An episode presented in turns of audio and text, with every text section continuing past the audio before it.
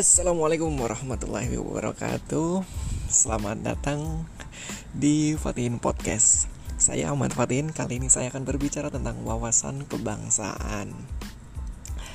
Berbicara tentang wawasan kebangsaan uh, Menurut beberapa teori ya Mungkin itu cara pandang seorang atau sekelompok orang mengenai keberadaan jati dirinya sebagai suatu bangsa dan bertingkah laku sesuai dengan falsafah hidup bangsanya berdasarkan Pancasila dan Undang-Undang Dasar 1945.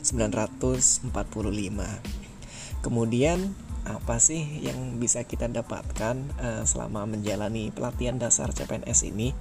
Mungkin saat ini kita bisa uh, melakukan dengan metode pembelajaran jarak jauh ya, semacam distance learning.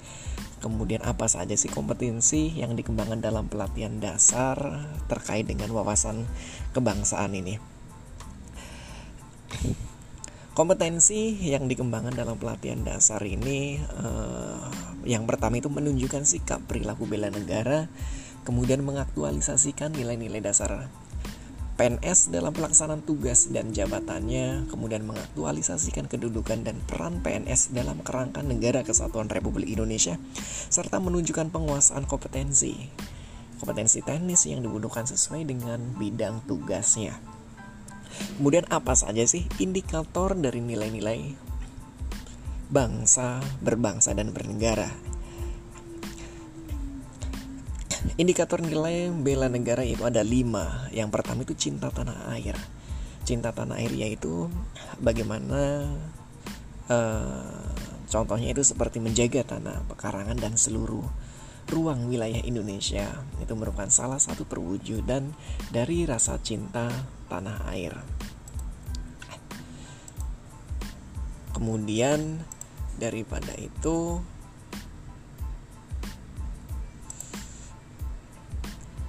menghargai dan menggunakan karya anak bangsa yaitu seperti membeli produk lokal.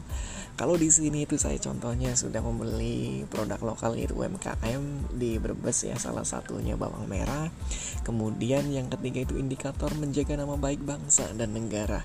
Salah satunya yaitu saya dengan mengikuti webinar etika dan etiket pergaulan profesional yang diselenggarakan oleh Pusdiklat saya bisa belajar mengenai bagaimana sih cara bergaul seorang PNS itu dalam kehidupan sehari-hari. Kemudian yang kedua yaitu contohnya seperti sadar, berbangsa dan bernegara yaitu disiplin dan bertanggung jawab terhadap tugas yaitu contohnya itu mengisi presensi online kemenaker kemudian bangga terhadap bangsa dan negara sendiri yaitu mengikuti upacara kebangkitan nasional kemudian rukun berjiwa gotong, royong. Aksinya seperti ya kerjasama di tempat kerja kemudian uh, membantu saling membantu sesama rekan kerja kemudian yaitu setia kepada Pancasila yaitu menjalankan kewajiban agama dan kepercayaan. Itu mengikuti kegiatan ibadah dengan protokol kesehatan ya. Tentunya kita selalu mematuhi aturan-aturan yang dikeluarkan oleh Satgas Covid 19 eh, yaitu dari BNPB kemudian